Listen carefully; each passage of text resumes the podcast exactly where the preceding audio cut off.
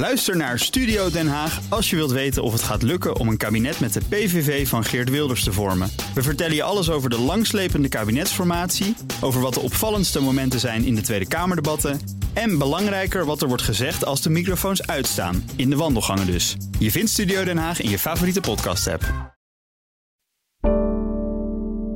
Links, rechts, progressief, conservatief, nieuw of een oude bekende. In een politiek landschap dat op de rand staat van grote veranderingen, mag jij op 22 november je stem laten horen. Een betere toekomst is het doel dat iedereen voor ogen heeft, maar hoe moet die eruit komen te zien?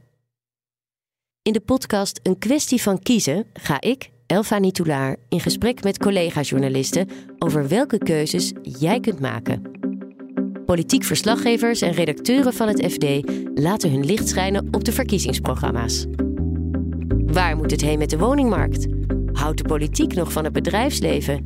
En die bestuurscultuur, die moet anders. Maar hoe? In de warboel van debatten, proefballonnen en one-liners scheppen wij orde in de verkiezingschaos.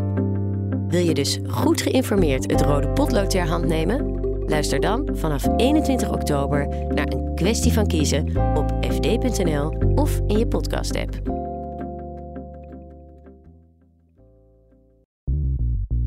Bij BNR ben je altijd als eerste op de hoogte van het laatste nieuws. Luister dagelijks live via internet. Bas van Werven. En heel langzaam komt de zon op rond dit tijdstip. Je krijgt inzicht in de dag die komt op BNR, het Binnenhof in Nederland en de rest van de wereld. De Ochtendspits. Voor de beste start van je werkdag. Blijf scherp en mis niets.